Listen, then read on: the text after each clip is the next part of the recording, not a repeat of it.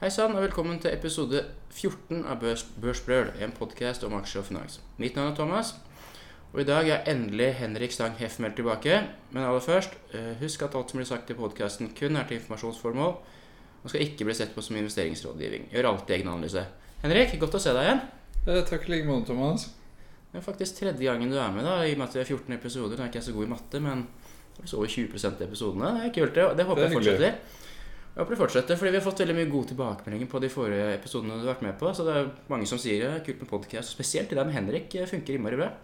Det er hyggelig å høre det. Ja, jeg har liksom tenkt at det kanskje det med faktorinvesteringer i kvant kan være litt, eh, litt snevert, eh, men, men det er kanskje fagne bredere enn jeg hadde trodd. Og det er tydeligvis folk som er interessert i dette her, da, utro, utrolig nok. Ja, ja, nei, vi, vi er jo det, vi. Så vi har forståelse for det. Ja, vi har stor forståelse for det. Henrik, hva skal vi snakke litt om AI i dag? Det er jo utrolig hot. Eh, ja, vi kan jo det. Men jeg, jeg kan jo ikke noe om det og skjønner ikke noe særlig av det selv. Jeg har eh, så vidt brukt det lite grann uh, i jobbsammenheng. Men uh, sånn generelt så lar jeg på en måte hype være hype og gjøre mitt, jeg.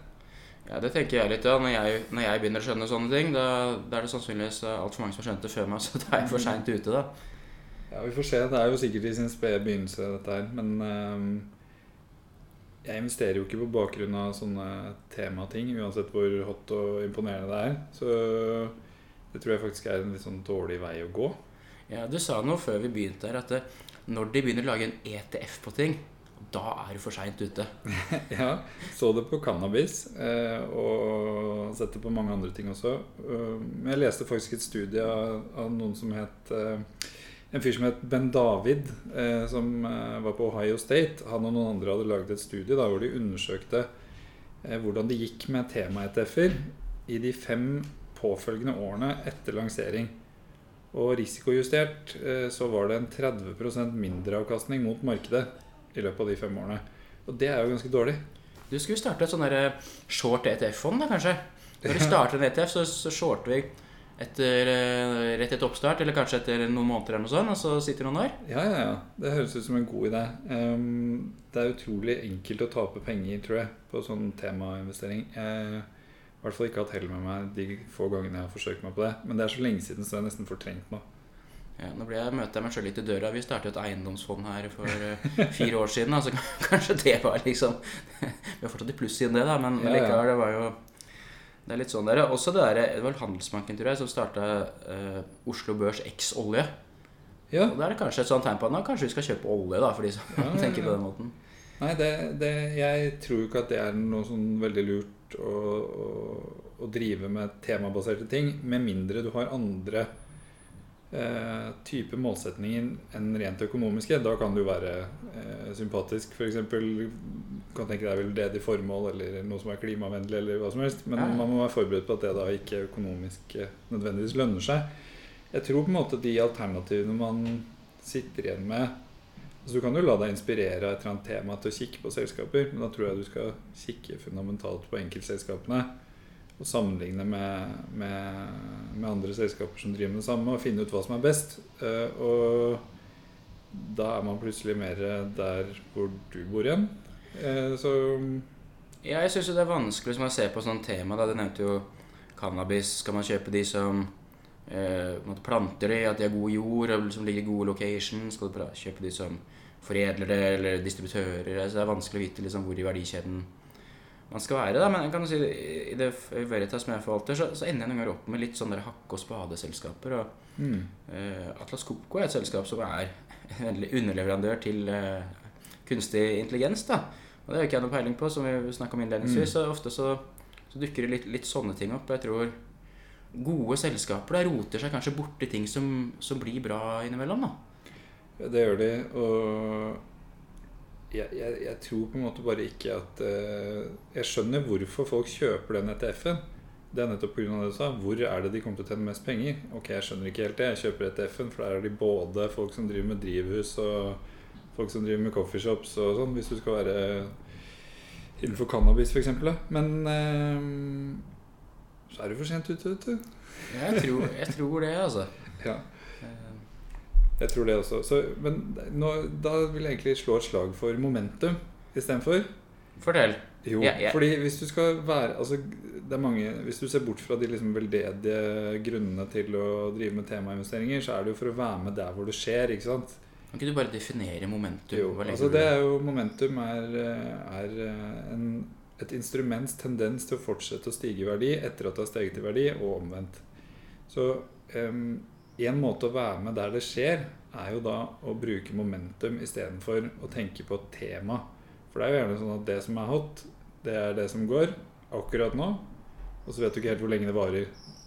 Og innen du har klart å surre deg til å kjøpe den ETF-en, eller noen har lagd den ETF-en, så er mesteparten av oppsiden tatt ut. Men pris lyver ikke på den måten. Nei. Eh, kan for så vidt lyve godt, det også, så det er ikke det. Men, men det, er, det er mer Jeg tror mer på en systematisk momentumstrategi da enn eh, enn å investere temabasert. Så da blir du liksom med i de sterkeste og mest aktuelle sektorene, og så selger du når det har snudd igjen. Ja, og Hvordan måler du det der? For er det noen glidende snitt du bruker mot hverandre? Ja, nei, det er én måte å gjøre det på. Det er typisk sånn eh, Trendvarianten er jo å se på sånn glidende snitt. Du kan f.eks. måle momentum med tolv måneders glidende snitt eller sånne ting. I litteraturen så har det fungert bra, og det fungerer eh, bra eh, egentlig i praksis også. Jeg bruker noen sånne ting selv. Eh, men du kan gjøre det enda enklere. Du kan si at hvis en aksje har steget i verdi siste året, så er det et kriterium for å eie den aksjen. Det er det som heter tidsseriemomentum. Eh, annet Heie Pedersen og co. i AQR har skrevet masse interessant om det, som man Mhm. kan finne på AQRs blogg. Men ehm, det er det som heter tidsseriemomentum, og så er det det som heter cross-sectional momentum, som er eh, hvordan en aksje har gjort det relativt til andre aksjer. Ja. Hvis dere hører noe lyd i bakgrunnen her nå, så er det altså da hunden min som eh, strekker seg og går ned på gulvet. Så der er han ferdig med det. Bare, bare snill. Beklager. Eh, men Og så finnes det jo varianter hvor man bruker begge deler. da At man kombinerer tidsseriemomentum og cross-sectional momentum. Eh, og så fins det fundamentalt momentum. Og på fundamentalt momentum så er vi tilbake i Veritas, føler jeg. Fordi um, når jeg er litt spøkefullt har sagt at du er en momentum-investor, så er det jo det jeg refererer til. da Ikke at du kjøper, at- kjøper ting som går opp i pris, men ting som har en positiv utvikling i regnskapstall over tid. Ja. Og det Dette har vi vært innom før, den paperen til Novi Marks, Mm. eh, som viser at momentumaksjer, eh, sånn prismessig, kursmessig, også har en tendens til å gjøre det godt fundamentalt. Da. Så eh, det fins mange måter å gjøre det der på, eh, og det er ikke spesielt komplisert å sette sammen noe som fungerer ok. I hvert fall bedre enn temabaserte ETF-er. Ja, og det klarer man å gjøre sjøl. I Excel med en nedlasting av kurser så kan man lage en strategi på det. Absolutt. Og så kom det på andre faktorer, at du liker at det skal være et gitt land eller innenfor en bransje eller eh, Ja. størrelse, hva det måtte være. Så, og det fins også en del ting du kan gjøre etter hvert som man blir litt mer eh, dreven i liksom momentumverden, hvor du kan redusere eh, risikoprofilen litt på ting du eier. For det er et stort ankepunkt med momentum, er jo at det har en tendens til å krasje innimellom. Det funker lenge, og så krasjer det ganske hardt. Nå skal det sies at det er litt pga. at sånn som momentum måles i litteraturen, så er det short-siden som har en tendens til å krasje verst. da. Ja. Eh, sånn etter 2009 f.eks. så gikk plutselig alt det som var dårligst, rett opp i pris. Hvis du var short i det, så hadde du et problem. ja. Men hvis du holder deg til long og f.eks. volatilitetsjusterer eh, litt, så hjelper det. Ja. Så, så det fins mange enkle måter å bruke momentum på. Så jeg syns det er spennende. Jeg har jo jobbet veldig mye med det i år. Mm. eh, Og laget en del eh, systemer basert på momentum. Eh, Så, så det er moro, syns jeg. Men så må jeg spørre deg at Som jeg snakka om, altså hvis en aksje koster 100 kroner, og så går den opp til 120, og da kommer den i et positivt momentum så Jeg vil jo heller ha den på 100 enn på 120. På 120 er den dårligere alt annet like, da. Og det, det er sånn jeg måler. Hvor er det jeg bommer, og hvorfor funker det her? Eh, Er det, er det Forstår markedet noe som ikke, ikke jeg forstår, på, på et vis? Kanskje. Det kan jo være drevet av eh, rent spekulative ting også, og det er i realiteten en dårligere investering på 120 enn på 100. Men i snitt, da, over veldig mange forskjellige aksjer, så tror jeg at markedet har en tendens til å eh, velge riktigere. Eh, og hvis det er sånn som f.eks. Novi Marx hevder, da, at momentum reflekterer en fundamentalt god utvikling, så er det urasjonelt å kjøpe selv om den har steget. Hvis det fundamentalt også skal stige videre. Ja. Så, så, men det finnes jo ikke noen fullgod teoretisk forklaring på momentum. Det finnes mange alternative teorier. Eh, og ingen er liksom 100 tilfredsstillende. Men empirien er så utrolig tydelig. da Så, så jeg har liksom akseptert det over tid. Jeg syns det var vanskelig, men nå har jeg omfavnet det istedenfor. Eh, og har flere momentumstrategier som et slags, eh, et slags komplementerende element da, i totalporteføljen min. Jeg tror det er i 2005 som jeg ble eksponert mot det for første gang. For da jeg var fondsfinans, og så eh, var det plutselig handelsstopp i Tandberg. Eh, og så ingen visste hva som skulle skje. Skulle det, var det oppkjøp, eller hva det som kom?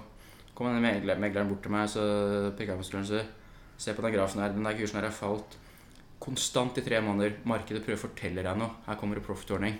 Og han hadde jo selvfølgelig helt rett, da. Ja. For det ligger jo ikke noe slags ikke noe, Det er ikke noe mistanke om at folk handler på innside som gjør at momentum funker. For det er liksom eksterne faktorer også som påvirker. Det er ikke bare Nei, og, og da hadde du jo sett mye sånn bråere bevegelser. Hvis det hadde vært eh, sånn typisk sånn Hvis du ser på gamle kursdata fra USA, som var veldig plaget med innsidehandler før, særlig på opsjonssiden, eh, så var det jo sånn Du kunne se veldig voldsomme kursutslag fra en dag til en annen, og gjerne sånn veldig kort før en eller annen eh, melding skulle komme, eller et eller annet ble annonsert. Men det som er pussig med momentum, er at eh, momentum fungerer best når det ikke er store kursutslag per dag eller per tidsenhet. Så, Ja. så um, det er en som heter Wesley Gray, som har skrevet ganske mye om det. Dette 'frog in the pan momentum'. Og faktisk eh, at det er mye bedre eh, enn å, å, at du på en måte må justere ut store kursutslag Ja. for å finne det optimale momentummålet. Eh, og det, refer, det refererer jo da til en frosk i kokende vann. Eller ja, i, i vann som ikke koker allerede, men Ja. som blir varma opp sakte. Som eh, var unødvendig å forklare. Men det er jo liksom eh, Jeg tror på en måte at da reflekterer momentum i større grad ikke bare en nyhet, men en fundamental utvikling. At markedet, en, en felles forståelse som utvikler seg over tid. Ja. er Kanskje litt ullent, dette. Eh, men, men jeg tror at det er noe, noe der. At markedets på en måte kollektive visdom eh, ikke skal undervurderes. da Ja, nei, Det kan jo være at man forstår ting som skjer, at det, liksom du merker at det økonomiske sentimentet blir litt svakere eller, eller bedre. At det er en endring i underliggende da, som, som kursen gradvis eh, tar sånn gradvis inn over seg. Når den Mm. endringen faktisk kommer i tallene, så går det enda mer, og så, så fortsetter det på den måten. Mm. Og vi har vært innom en del sånne kognitive tankefeller før. Og det er jo også relevant for momentum, selvfølgelig. Ja, ja, ja. Men så når vi ser sånne ekstrembevegelser som vi hadde GameStop og lignende for noen år siden eh, folk, er det så litt Kan momentum funke fordi når ting går ja, typisk oppover, da, så, så har flere lyst til å hive seg på, og så blir det større interesse rundt det. Ja, ja, helt klart. Hvis det er aksjer opp 20 da, så, så er det plutselig masse skriverier om det, og alle skal kaste på og trade det, og jeg hører på andre podcaster som er mer kan si, kortsiktige enn meg. Jeg trada jo den i går, liksom. Den gikk 10 Ja, ja. eller et eller annet. Ja, det er mange som jeg løp ikke tilbake på kontoret og heiv meg på PC-en og kjøpte, liksom, eller solgte, da. Ja, det er mange som ikke er interessert i regnskap heller, når de ser Ja. på aksjer. Det, og, og ser på det som noe mer gambling-basert. Ja. Eh, og noen få har sikkert eh, heller med seg på den måten også. Men GameStop og Enface og en del sånne andre amerikanske aksjer, Nvidia også, ja. eh, er jo Da blir det litt mer sånn ren markedspsykologi, vil jeg si. da ja Men det er ikke noe gærent med det. Hvis jeg kan tjene penger på det, så syns jeg det er helt fint. Men jeg må være systematisk, for ellers blir jeg bare enda en ku i den flokken som løper liksom hodeløst av gårde. Så det går jo ikke. Nei, det er vanskelig det der Når du ser liksom noen, noen som ikke bryr seg om regnskap, så hvis det høres rart ut, da, men det, men det er greit. Ja, det minner meg om det uttrykket som jeg tror var Taleb som kom med, derre green lumber fallacy. Og det har jeg ikke hørt. Nei, det, det står i Jeg husker ikke om det er eh, den boka Food by Rhinomus eller Nei, det er Antifragile, tror jeg det er. Samme okay. det. Det er en, så- sånn det, Green lumber er jo en tømmersort som du kan, som du kan handle, da. Ja. Eh, men han, han, som var best, han som var best til å trade der sånn, han visste ikke hva det var. Ja. Han visste ikke hva han trada. Ja. Han bare var innmari god til å skjønne liksom, markedsdynamikk og sånn, så, så det var litt Mm. Du trenger ikke alltid Nå som jeg må si jeg investerer også som Novo Nordisk, så det betyr ikke at jeg kan jack shit om uh, diabetesmedisin. Nei, altså sånn sett er man bare Skal man kanskje ikke le for mye av de som ikke investerer basert på regnskap, siden, nei, nei, mange, ja, siden vi egentlig bare er liksom one step removed. Men, eh, men det er noe med det. Og hvis du kan være systematisk i et litt kaotisk system, da, eh, og som kanskje ikke opptrer helt rasjonelt, så, så tror jeg det er veldig lønnsomt over tid. Hvis man gjør det riktig. Men når du utfører disse momentumstrategiene, Henrik, eh, så må du være systematisk, som du sier. Hvordan gjør du det i, i praksis? Ja, Da vil du på gitte tidspunkter skrine markedet for aksjer som viser da, eh, sterkt relativt og absolutt momentum. Eh, kanskje kombinere de to tingene og noen andre eh, definisjoner. Og så får du ut en liste med aksjer da, som du da rebalanserer periodevis. Så, mm, og da er jo sånn eh, Det byr meg litt imot noen ganger når jeg ser hva den modellen plukker ut. Ja, Uh, og jeg tenker sånn Herregud, skal jeg kjøpe dette her? ja det husker jeg jeg snakka om før. men men uh, jeg har lært å holde meg for nesa og bare gjøre det, da. For det lønner seg over tid. Så, um, men det er klart det, Da jeg skulle kjøpe Norwegian her forleden dag, f.eks. Flyselskapet? Ja, det er fælt for meg, altså. Det sitter langt inne, liksom. ja, den hadde vært tung, altså. Flyselskapet, liksom. ja, Aller det, verste jeg vet. Uh, så, men jeg gjorde det allikevel. Eh, ja, gikk det greit, eller? Ja, den har gått opp, den Jeg har ikke turt å se på om det har gått ennå, faktisk. Jeg bare venter til neste gang modellen sier at jeg skal se på. Men for, ellers så får jeg sikkert liksom ånden over meg for å bare hive det ut. Jeg syns jo det er vondt å eie. Men eh, nei, så, så akkurat det syns jeg er litt vanskelig. Men problemet er jo at hvis jeg bruker momentum på kvalitetsaksjer, sånn som jeg gjør i hoveddelen av porteføljen min, så, så fungerer det som et risikoreduserende element. Men da ender jeg bare opp med samme avkastningsprofil, egentlig. Um, Men med det- mindre svingninger? ja, med, men med mindre svingninger. Altså det er jo et poeng, det er derfor jeg gjør det. Men hvis jeg skal ha noen sånn ren momentum-effekt, så må jeg være litt mer purist da, og ikke blande inn kvalitet. Mm. Og da ender jeg opp med noen ganger fryktelig lav kvalitet. da. Men det må jeg akseptere, for det er, liksom, det er målsetningen er å få høstet en faktorpremie som ikke er relatert til kvalitet. Så da lager du to porteføljer isteden? En som er momentum og en som er kvalitet, og ikke Ja. blander dem, fordi da blir det Ja. mm, Jeg skjønner. Så, men jeg gjør begge deler, jeg, da. Um, og så har jeg etter hvert ganske mange momentumporteføljer som handler på litt sånn ulike schedules eh, og på litt ulike mål. da. Men likevekter du da, eller er det de som har best momentum, som får høyest vekt? Eh, nei, jeg er likevektere. Ja. Uh, delvis fordi at jeg ikke ser så veldig mye, stor, eller så mye forskjell på det i testing. Mm. Og delvis fordi at uh, det er litt kanskje drevet av latskap. Jeg syns det er veldig praktisk å likevekte det. Så, på momentum så hjelper det ikke så veldig mye å, å faktorvekte. Det er noe annet på kvalitet. Der, det var jo noe vi diskuterte, hvor jeg Mm. måtte gi meg til slutt. For faktorvekt på kvalitet er faktisk ganske lønnsomt. Ja, nei, men det- er godt å høre. Jeg har ikke klart å backteste det sjøl, men eh, det, det høres logisk ut. Jeg er litt opptatt av at det skal være logisk, eh, Ja. og at det funker i tillegg er jo ekstra bra. Men det, Ja, ja. jeg må, noen ganger så må jeg liksom forsvare det på et vis. Da. Kanskje jeg ikke egentlig burde det, men du spør folk liksom hvorfor har du cash conversion og sånn, og så var jeg liksom forklare er lurt at selskapenes eh, inntjening blir, blir til kontanter òg, da. Eh, Men når du da rebalanserer, rebalanserer du basert på et tidspunkt, eller basert på at et selskap går inn eller ut av positiv momentum-fase? Det det varierer med modellen som det er snakk om. Ja. Noen av dem er eh, Jeg har en strategi som jeg kaller for metamomentum. Som, eh, som eh, investerer basert på masse forskjellige momentumkriterier. Og så får jeg ut en totalscore. Den er alltid fullinvestert og bare roterer inn og ut av ting. eh, hvert kvartal, faktisk. Ehm, så, så for den så, så det, spiller det ikke noen rolle. Men jeg har også andre strategier som er mer sånn tradisjonelle tradingstrategier. Eh, på en måte da. Hvor du har opererer med kanskje en trailing stop loss eller um, ja, Makstap pleier jeg aldri å bruke, men en sånn trailing stop loss eh, hender at jeg bruker. Det kan være greit.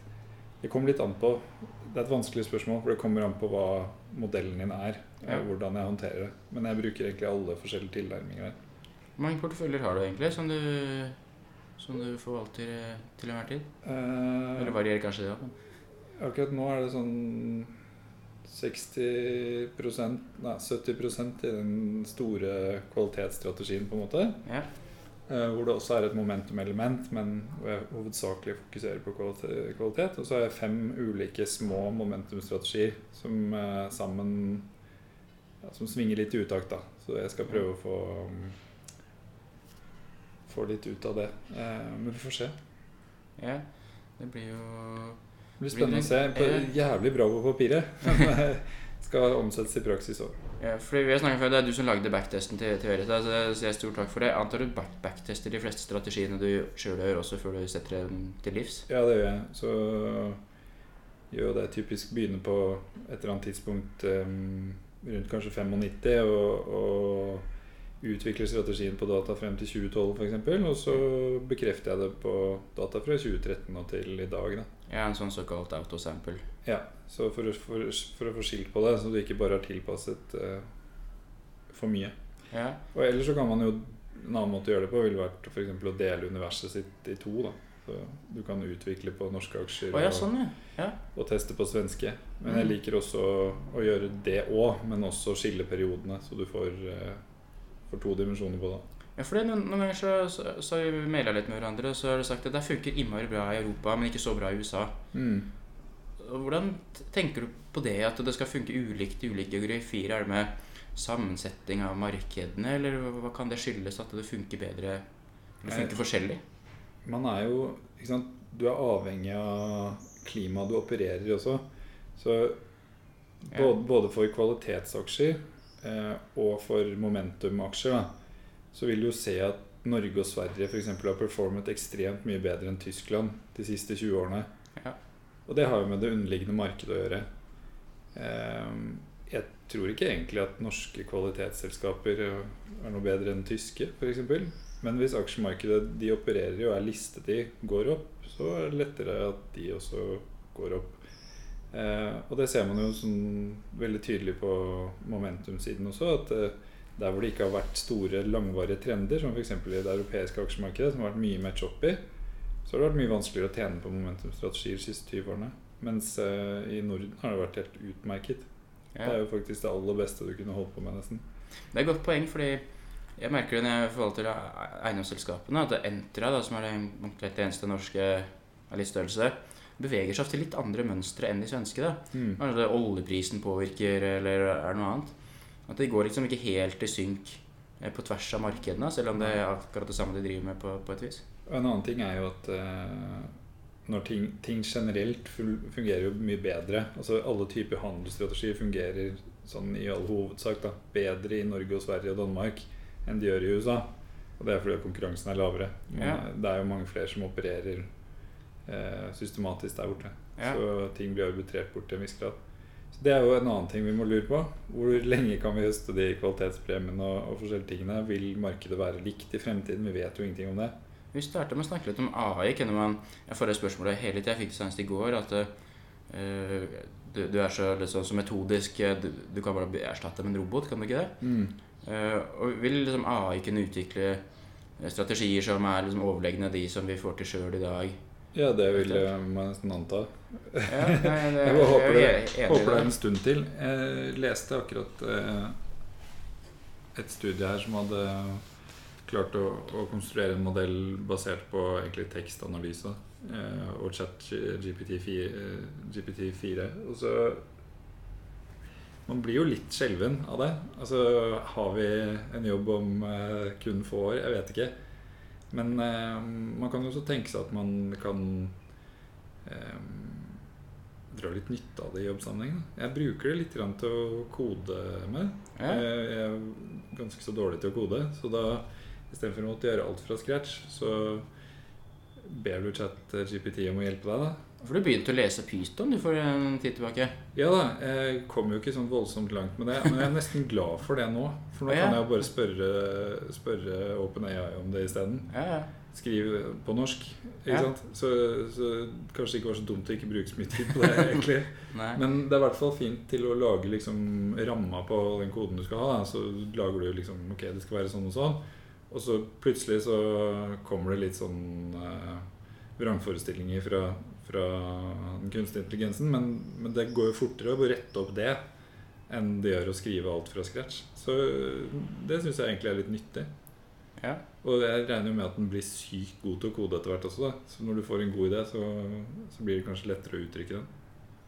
Ja, helt sikkert. Jeg er ganske avslappa på det. Jeg tenker jo at eh, Jeg håper og tror at ikke jeg blir den første som ryker, men eh, tvert imot at det, denne intelligensen kommer til å skjønne akkurat det samme som jeg har skjønt allerede. Derfor kommer de aksjene jeg er her til å bli hypa opp vanvittig. Så, Ja, så blir jeg steinrik. Og derfor jeg bare mister jobben. Nå skal jeg bare leve på en Sydhavsøy. Det er jo ja. Ja, det lar seg gjøre, det også. Men eh, nei, så Det der er jo relevant, da. Det er jo liksom begynt å, å skje i noen bransjer allerede. Folk som jobber med ulike former for tekstanalyse og sånn, de har fått problemer allerede, de. Jeg er jo helt sikker på at det her må jo være deflatorisk på mange måter og kan frigjøre mye arbeid som man kanskje kan gjøre brukt til andre ting som er mer nyttig. da. Eller skulle, til skulle tro det. Ja. Så Vi tenker jo ikke så mye på Når jeg sa deflatorisk, så bryr jeg ikke så mye om det, men eh, det gjør vel kanskje ikke du heller. Bruker masse tid på ulike makroparametere og skal spå hvordan de utvikler seg. eh, Overhodet ikke. Men jeg syns det er kjempeinteressant. Ja, jeg er enig, det er interessant, men Jeg jeg, tror ikke jeg skjønner Nei, jeg skjønner absolutt ingenting av hvor noe skal, og ingen forutsetninger for å tro at jeg kan spå noe i en eller annen retning. Så det gjør jeg ikke. Men jeg passer på å prøve å være, som jeg har sagt før, da, litt makrorobust. Så Ja. du ikke knekker av at valutaen går den eller den veien, eller oljeprisen går den eller den veien. Eh, At ikke etter en eller annen én sånn underliggende makrodriver kan liksom velte hele lasset. Det syns jeg er interessant å passe på.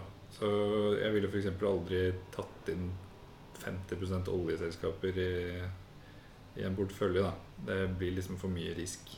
Så- Jeg synes det, det er veldig interessant at du trekker fram også, fordi risiko, ikke sant, i akademia så måler man på hvordan svinger aksjekursen, og relativt en indeks så får du beta og sharp ratio og andre ting, volatilitet. eh, eh, Og så kan du se på det litt sånn større på det, på en portefølje, da, altså hvordan samsvinger eh, aksjen i porteføljen. og Da kan du se om vi har litt i forskjellige sektorer, vi har litt forskjellige land, og så skal man være robust på bakgrunn av det. Men det er ofte at selskaper som driver med forskjellige ting, kan svinge likt, for de har noen ting ved seg som, som er en sånn felles trekk. da, F.eks. rentene. da. Mm. Selskapene høyt prisa, eller de er eh, eh, høyt masse gjeld, da, eller at det er noe som er felles på tvers av bransjer. Mm. Så det å håndtere risiko er veldig eh, komplekst. Eh, Jeg tror ikke det er noe, noe fasit på det. Det som gjør det litt ekstra interessant. da, at det, Avkastning kan du liksom lese hver dag, da, men, men hva var risikoen, da? Ja, nei, det er jo interessant. Jeg har jo liksom eh, alltid ment at eh, volatilitet kan jo ikke være det eneste gode målet på risiko. Selvfølgelig. I en enkelt situasjon så er det jo potensielt ikke brukbart i det hele tatt. Hvis du snakker om én aksje, så antar vi at den aksjen er skikkelig likvid. da. Eh, så kursbevegelsen blir veldig store. Men så har den aksjen kanskje 50% av market cap i cash. Ris risikoen er i realiteten lav, yeah. men målt risiko er veldig høy. Yeah. Eh, Men jeg tror at aggregert liksom over aksjemarkedet totalt sett, så tror jeg det er et eh, relativt godt mål på risiko. Men eh, det lar seg jo ikke helt forene med at vi ikke får noe meravkastning ved å kjøpe aksjer med høy vol. da. Nei, nei, nei. Så, Ja, vi snakka litt om det forrige gang, den eh, mi- minimum Ja. vol-faktoren. så, men jeg er jo ikke smart nok til å klare å avstemme hvorfor de to tingene ikke går i hop. Men um, det er i hvert fall interessant å vite det. Betting against beta, var det ikke det det het? Jo, det er den uh, IQR-paperen. Ja, ja. Um, men uh, altså Det er vel man må kanskje være litt spesifikk på det. Si at man får ikke meravkastning i absolutte termer ved å være long lavbeta-aksjer.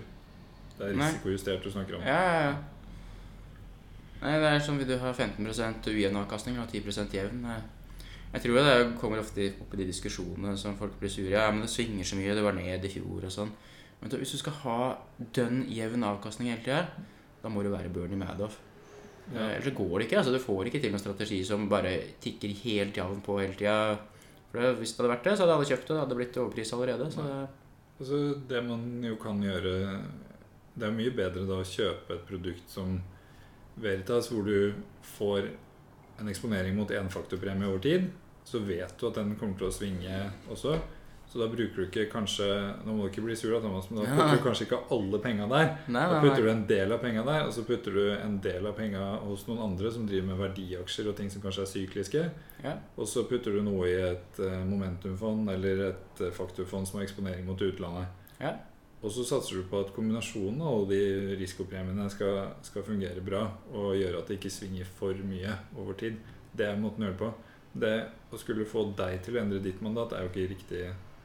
Nei, jeg holder på med mine ting. Jeg tror jo 100% på det. da Så jeg har jo faktisk alltid, alltid Veritas. da Ja, For jeg kan jo liksom Jeg lever godt med da at det Men du må Ja, binde deg til masten, vet du. Så, Ja, ja, ja. Og det, og, og det tar meg litt videre til et tema jeg tenkte jeg hadde lyst til å snakke om sjøl. Det er Vi er jo like på det å være systematiske og metodiske og, eh, og ikke la oss påvirke av masse eksterne ting. Så jeg prøver ikke å gjøre så mye endringer i hvordan jeg utfører den strategien i Veritas, men, men når jeg ser at det er ting som jeg burde gjøre bedre, så må jeg, må jeg endre det. da Ofte så er det sånn detaljting, så åssen måler jeg cash conversion, eller åssen gjør jeg et eller annet. Men jeg funnet ut at jeg må gi meg sjøl mindre frihetsgrader. da Hvis jeg har for mange frihetsgrader, så, så, kan jeg kanskje ikke klare å forvalte de godt nok, og jeg kan misbruke de.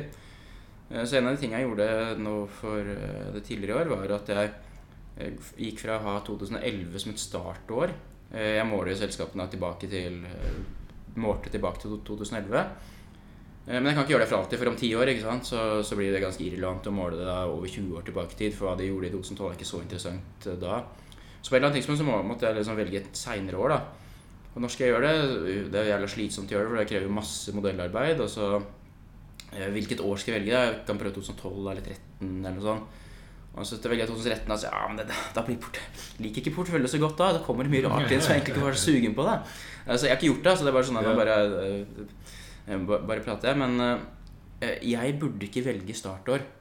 Fordi, fordi det, da kan jeg påvirke til å ta valg som egentlig ikke er rasjonelle. Så jeg valgte at nå skal jeg ha ti år rullerende isteden. ja, det syns jeg var veldig smart.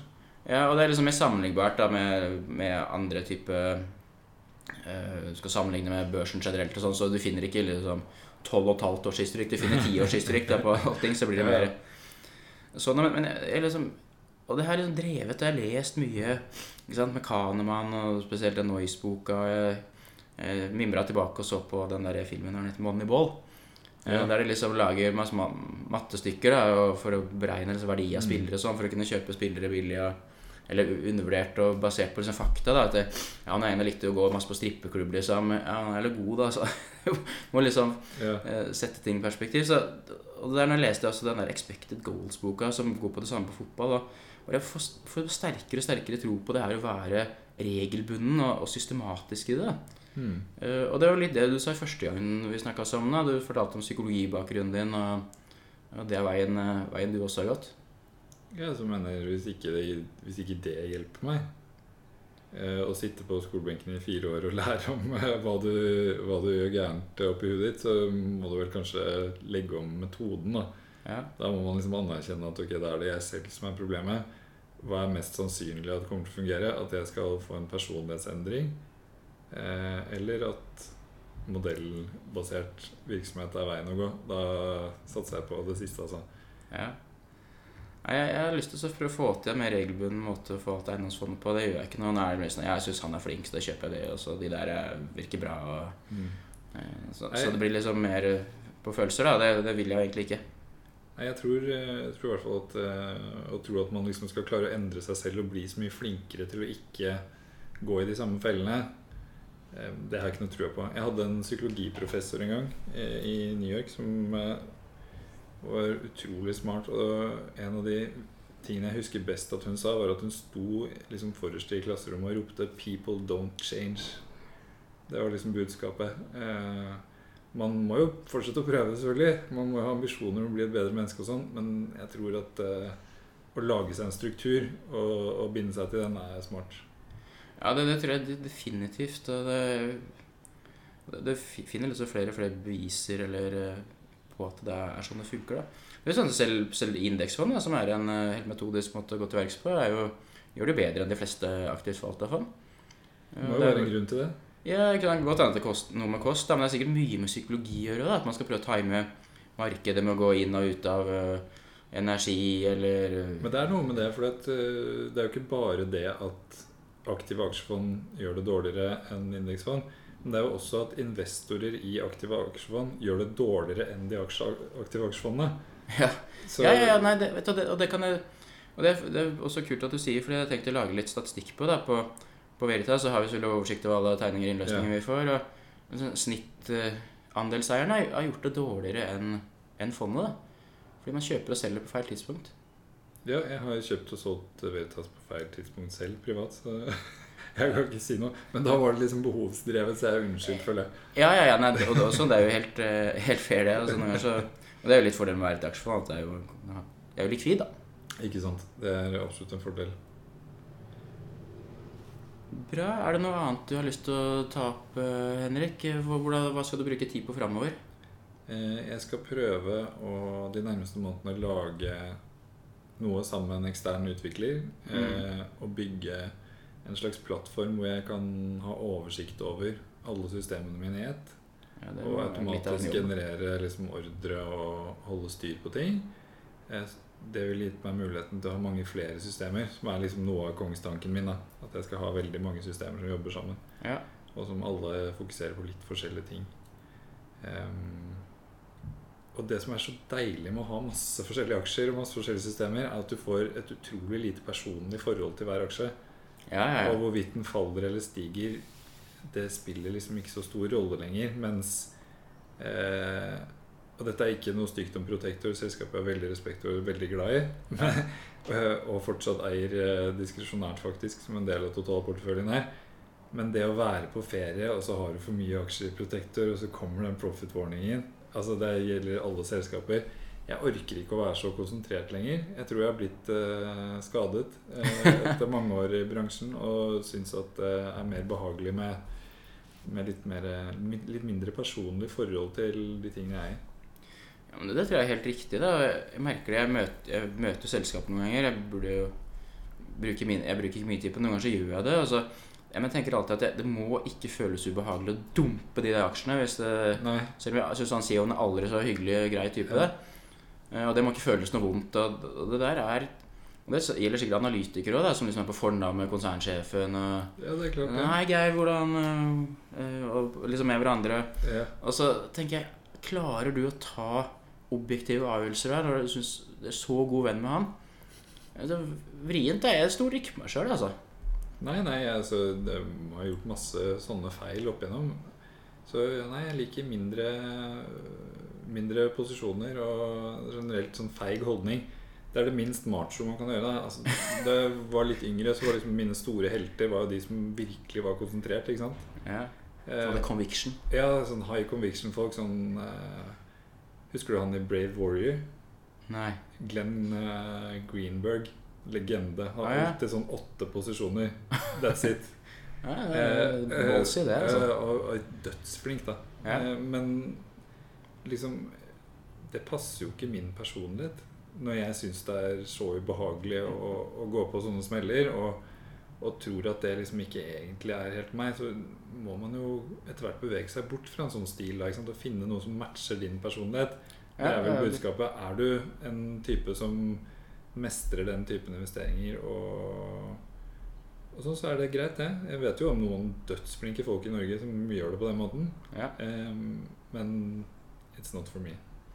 Nei, nei, og, og jeg tror liksom Og det tenkte jeg skulle spørre om til slutt, da, men hvis du forvalter eh, måte, eksterne penger eh, Og jeg har fått så mye kjeft for Fjordkraft, liksom. Jeg kjøpte den på 70 og solgte den på under 30. Men vi har fått så mye kjeft. Det skulle være en som til og med kjøpte fondet, med shorta Fjordkraft imot da, for å nøytralisere den, eksponeringa. Ja. Men liksom, det er sånn her Å, la meg være i fred, da. Det er en del av strategien. Eh, men skal du forvalte noe eksternt etter hvert? Altså, nå er det jo et family office, men noe mer sånn gå ut og markedsføre det du gjør på videre? Eh, nå må jeg først eh, si med en gang at det har jeg jo ikke lov til. Nei. eh, som sådan. Det vil si, jeg har lov til det mot profesjonelle investorer, for så vidt. Ja.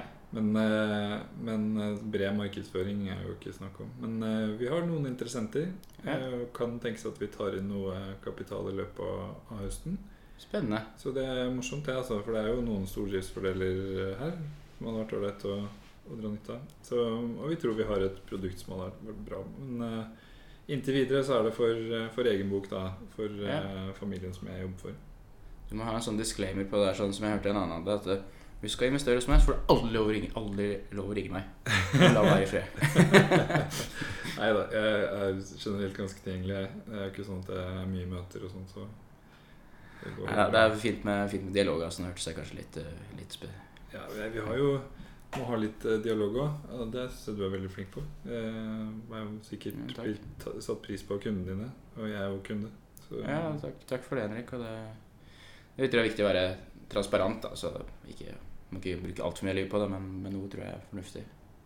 Enig i det. All right. Skal vi call it a day der, eller? Ja, det runder vi der. Det er 30 grader ute, så nå må vi finne på noe annet enn å sitte her inne og porteføljen vår jobbe for oss isteden. Ikke sant? Takk for i dag. Takk for nå, Henrik. Vi snakkes senere. Ha det.